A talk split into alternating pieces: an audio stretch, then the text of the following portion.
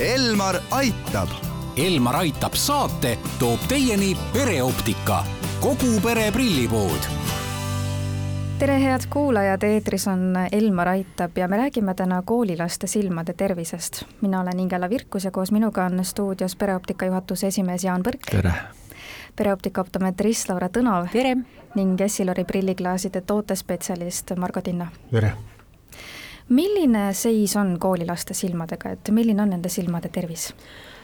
kuna arvutitööd ikkagi ja sellist lähitööd lastel on tunduvalt rohkem võrreldes eelmiste aastatega, siis ikkagi pigem see silmatervis liigub sinna kehvema poole siin võibki nüüd vist öelda, et umbes kaks aastat on möödunud, kui lapsed ja tegelikult me kõik ju tegimegi arvutitööd ja distantsilt tööd, et eh, kas te olete juba oma töös ka näinud seda, et see on tõesti laste silmadele kehvasti mõjunud? tegelikult küll. ja mina oskan mõnede uuringute selliseid tulemusi isegi valgustada, et see meiepoolne ehk prillioptika abi eh, järjest suureneb, et eh, kui eh, müoopia, kas praeguseks hetkeks on kolmekümnel protsendil lastest see haigus ehk tal on siis tarvis miinusprille juba pisikesest peast siis äh, ennustatakse, et äh, kuskil viie aasta pärast on see vajadus juba viiskümmend protsenti, nii et väga ilusad need numbrid ei ole lisaks ekraanidele, kuidas näiteks keskkond ja koolis just klassiruumid võivad laste nägemist mõjutada? tegelikult selline põhiline faktor, mis seda laste nägemist mõjutab, on väljas veedetud aeg. kuna tunnid toimuvad siseruumides Äh, ollakse pigem nutitelefonides, siis aeg, mida lapsed veedavad õues, see on kindlasti väiksem kui kunagi. Äh, ja on märgatud seda, et kui me nüüd räägime miinusprillikandjatest, et äh, lapsed, kes veedavad vähem kui kaks tundi päevas väljas, siis nendel kipub see müoopia ehk siis see miinusprilli tugevus ka suurenema kiiremini. ja mina tahan natuke veel rohkem hirmutada, et kui on lapsepõlves selle äh, Äh, prillivajadus tekkinud, et äh, siis vanadusepõlves ja, ja üpris varakult võivad äh, juba tekkida ja see on suur soodumus siis juba nende väga halbade haiguste jaoks, et kõrge vererõhk ja igasugused noh, mis silmale head ei ole, et et need tulevad sellistel puhkudel palju kiiremini kui terve silmaga inimestel et tuleks ikkagi võimalikult vara märgata, et lapsel võib olla nägemisega probleeme. see on oluline, see on ülioluline.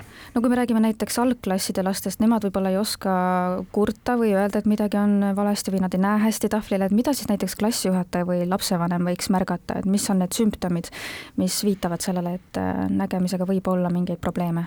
Äh, näiteks kissitamine tahvli peale äh, vaadates, ka näiteks selline asi, kui lapsed Äh, kaebavad peavalusid või silmavalusid, siis see võib olla probleem, kui lapsed ei jõua lugeda üle viieteist minuti järjest lähitööd või hakkavad kuidagi vähkrema.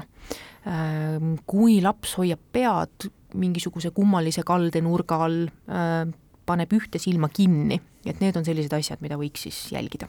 jah, et üldised keskendumisraskused on need, mis, mida tuleks tähele panna, et need ei ole alati sellega tingitud, et laps lihtsalt ei viitsi või ei taha, vaid noh, mingi põhjus võib sellega olla nägemises. kelle juurde siis tasuks kohe nende murede või märkamistega minna, kas silmaarsti, mm, optometristi, võib-olla hoopis perearsti? Äh, optometrist annab sellise esimese ülevaate äh, selle silma tervise kohta Äh, küll aga esimest prilli optometrist lapsele välja ei kirjuta, selleks on vaja spetsiaalselt silmalihaseid lõdvestavaid tilku panna silma. Ja seda teeb silmaarst. küll aga me anname äh, väga õiged äh, nõuanded, et kas lapsel on vaja siis selles pikas, selles arsti järjekorras olla või on tal nägemine korras ja, ja võib rahulikult edasi toimetada, et, et sellise tõendi meie kirjutame ma tulen korraks ikkagi tagasi selle juurde, et mis klassiruumis võib äh, lapse nägemist veel mõjutada, et me rääkisime sellest, et võib-olla probleem on see, et äh, lapsed ei veeda õues nii palju aega, aga kuidas näiteks valgus või selline ventilatsioon ja kõik see lapse tervist ja lapse silmi ennekõike siis mõjutada võivad? ventilatsioon, valgus võivad tekitada näiteks kuiva silma sündroomi, mida nüüd esineb ka tegelikult lastel päris palju jah, et tegelikult kõik need ruumid, mida, mis meid ümbritsevad, et kui veel ma ei tea, kümme aastat tagasi olid kõik korterid ja asjad niimoodi, et loodusliku ventilatsiooniga, siis tänapäeval on see kõik, kas ta puhub meile näkku või viib meist eemale, et, et kõik on mingisugune sundventilatsiooni toimimine ja ja noh, mis meie saame ütelda, et see toob meile tõesti tööd.